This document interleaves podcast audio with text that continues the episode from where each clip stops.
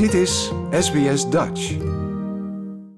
Hier is drukke tijden voor een kandidaat Kamerlid, lijkt me. Zeker, maar wel ontzettend uh, spannende en leuke tijden. Ja, Nederlanders in het buitenland is een deel van de groep die mag stemmen natuurlijk. En vanuit uh, dat oogpunt heb ik wat vragen uh, om voor te leggen en wat stellingen. Laten we beginnen met de allereerste. Het is een heel hot topic wat onder zoveel Nederlanders in het buitenland speelt. Uh-huh. Nederlanders of geboren Nederlanders mogen zonder verlies van hun Nederlanderschap een tweede nationaliteit aannemen. Wat vindt GroenLinks PvdA hiervan en waarom? Ja, GroenLinks PvdA is daar al jaren heel duidelijk over. Uh, ook, ook los van elkaar, zullen we maar zeggen. We vinden echt dat mensen zelf mogen weten of ze een enkel of een dubbele nationaliteit willen je ziet in deze globaliserende wereld dat mensen steeds vaker niet meer aan een land gebonden zijn. Nou goed, jij zal daar zelf uh, ook allerlei verhalen bij hebben. En het is ontzettend belangrijk dat we dat recht, namelijk dat je die twee nationaliteiten hebt, dat we dat in de wet uh, gaan verankeren. We hebben daarom eerder al een initiatiefvoorstel ingediend met D66 uh, daarover, omdat we willen dat je officieel burger kan blijven van een ander land, maar ook de Nederlandse nationaliteit dan behoudt. Ja, dus als het aan jullie ligt, uh, gaat daar verandering in komen. Dat hopen we, ja. Ja, uh, de tweede stelling. Voor Nederlanders woonachtig in het buitenland moet zo snel mogelijk een online paspoortbalie worden geopend. En ik zal dat even uitleggen, want in Australië, ja, het is een heel groot land, het is een continent. Mensen moeten soms uren reizen en worden op kosten gejaagd om dus dat paspoort te kunnen verlengen. Uh, vandaar deze vraag, deze stelling. Ja, je ziet nu inderdaad hè, dat het volgens mij maar op drie plekken kan. Sydney, Melbourne en Perth dat willen we sowieso echt veranderen. Dat er meer kleinere uh, mogelijkheden zijn om je paspoort af te halen. En ik denk wat een groot en belangrijk deel is, is dat je ook een deel online kan doen. Dus het aanvragen, het uploaden van je foto, de benodigde papieren, dat moet in ieder geval online kunnen. We zeggen wel dat afhalen, daar kan je natuurlijk veel identiteitsfraude mee plegen. Dus dat is wel belangrijk dat dat nog fysiek kan. En als daar op een later moment mogelijkheden voor komen dat dat ook online kan op een veilige manier dan, dan zijn we daar ook zeker voor. Maar we zeggen, zorg dan in ieder geval dat er op verschillende punten in het land kleinere momenten komen waarop je die kan afhalen. Maar het afhalen is op zich geen probleem, want ze sturen het gewoon op. Nee, dus het zit hem ook volgens mij grotendeels hè, nu in, in het reizen om alle benodigde papieren aan te leveren, om een foto te uploaden. Kijk, dat is natuurlijk zonde dat, dat, dat je daar ontzettend ver voor moet reizen. Je moet op een gegeven moment, als ik het goed heb in de procedure, ergens natuurlijk je identiteit uh, uh, um, uh, checken, laten zien. Dus daar zeggen we van, van een deel daarvan kan online en een deel daarvan moet nog fysiek. Um, maar zorg dan dat dat op meerdere plekken bereikbaar is. Duidelijk.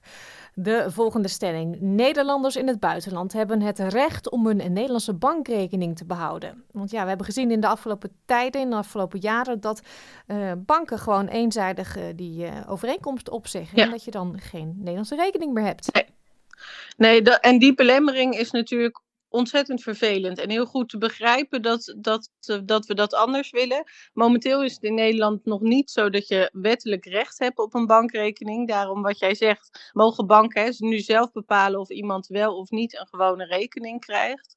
En uh, wat wij willen is dat je iedereen ook recht heeft op zo'n basisbetaalrekening. Dat je gewoon in ieder geval internet kan bankieren. Dat is voor een deel ook inmiddels in de Europese wetgeving al verankerd. Uh, en we zouden graag een verruiming zien voor Nederlanders in het buitenland om zo'n rekening aan te vragen. En om daarbij te kijken of ze ook in het buitenland mogelijkheden hebben om te zorgen dat je dat, je dat op een goede manier kan doen. Ja, uh, de laatste stelling voordat we naar de vragen gaan. Bij de volgende verkiezingen moeten Nederlanders die niet in Nederland wonen online kunnen stemmen. Ik weet niet of je weet hoe het proces is momenteel. Nee, als je ligt dat tenminste, ik heb een beetje voorbereiding natuurlijk daarover gedaan, maar ik hoor het graag van jou zelf. Ja, nou ja, je, je moet je online aanmelden uiteraard. Ja. En dan krijg je iets opgestuurd. Ik pak hem er even bij. het briefstembewijs. En als je die eenmaal hebt, dan krijg je per mail je, je stemlijst. En je moet een kopie paspoort. En je moet van alles meesturen, wat ik begrijp. Maar het komt dan in een hele mooie oranje, heel opvallende envelop. Dat uh, moet je of naar Nederland sturen. Maar ja, vanuit Australië, de post is zeer onbetrouwbaar en duurt ook heel erg lang. Ehm, mhm. of je moet het naar de ambassade of het consulaat sturen. Maar ja, daar moet het dan wel een paar dagen eerder binnen zijn dan uh, eh, 22 november. In dit geval 17 november. Dus je moet heel erg goed nadenken dat je op tijd je stem uitbrengt.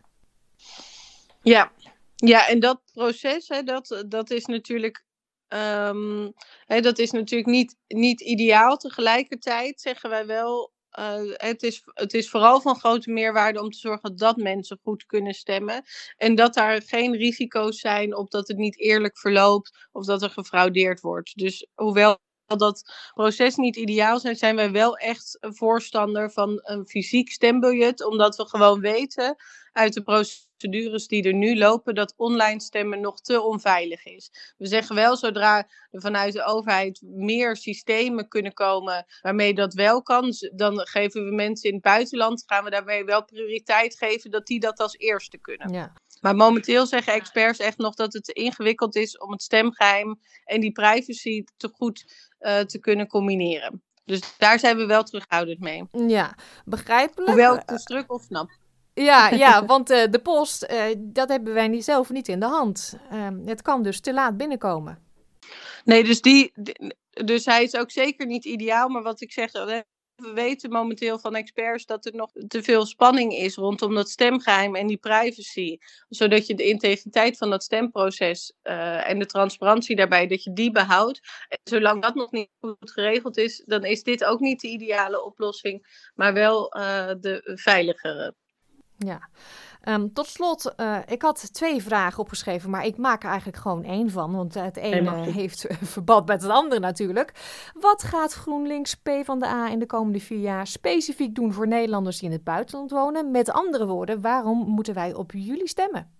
Ja, met die laatste te beginnen. Ik denk dat voor iedereen waar je ook woont het ontzettend belangrijk is dat Nederland een stukje eerlijker wordt. En dat er in Nederland, ook in wereldverband, uh, een stuk rechtvaardiger wordt. En die rechtvaardigheid die gaat voor mij over een eerlijk klimaatbeleid, waarmee iedereen op een gelijke manier meedoet, waarbij de zwaarste uh, schouders ook de zwaarste lasten dragen.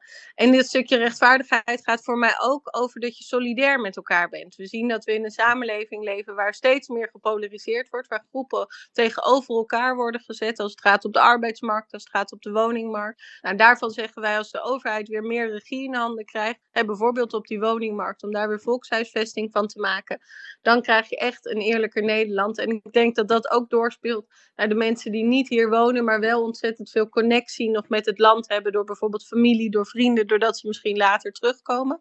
Dus dat allereerst. Ik denk dat, dat hè, voor wat er hier speelt, dat dat ontzettend belangrijke dingen zijn. En als je kijkt naar de afgelopen jaren, heeft GroenLinks en de PvdA zich juist ook ontzettend ingezet voor die internationale samenwerkingen. Juist ook altijd bezig geweest met hoe doen we dat op in Europa. En nu met Frans Timmermans hebben we natuurlijk echt een, leider die staat voor die internationale samenwerking. En daarom willen we ook heel erg inzetten op het versterken van onze Europese diplomatie en om het versterken van onze positie in de VN. Om te zorgen dat we in mondiaal verband meer werken aan democratie, vrede en veiligheid. Dankjewel Iris Vrolijks. Like, deel, geef je reactie. Volg SBS Dutch op Facebook.